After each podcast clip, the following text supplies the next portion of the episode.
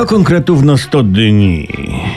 Koalicja Obywatelska obiecywała w kampanii wyborczej zrealizowanie 100 postulatów w 100 dni po objęciu władzy i mniej wyrobieni odbiorcy wzięli to hasło dosłownie. E, obietnicy wyborczej dosłownie nie biorą, nie biorą tylko ludzie inteligentni, którzy, no nie no, konserwę przysmak śniadaniowy jadają na kolację.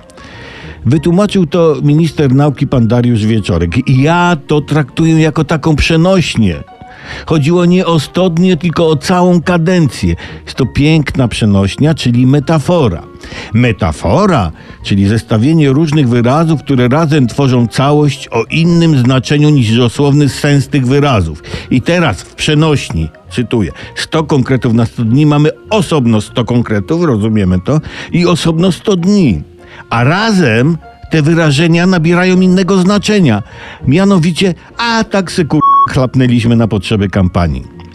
Czyli taka niezobowiązująca obietniczka, która ładnie brzmi.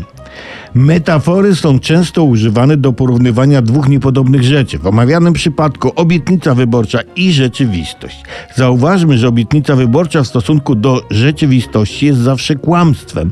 Dlatego zamiast mówić nie kłam, możemy powiedzieć nie wciskaj mi obietnic wyborczych ziom i to będzie to samo. Podsumowując, hasło 100 konkretów na 100 dni było przeznaczone dla publiczności inteligentnej, oczytanej, łaknącej od czasu do czasu zapoznać się z taką czy inną metaforą.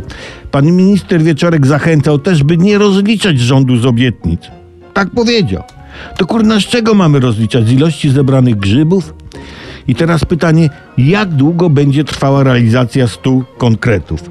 Dłużej. Ale dłużej niż co? Niż jajo. Co cię to obchodzi?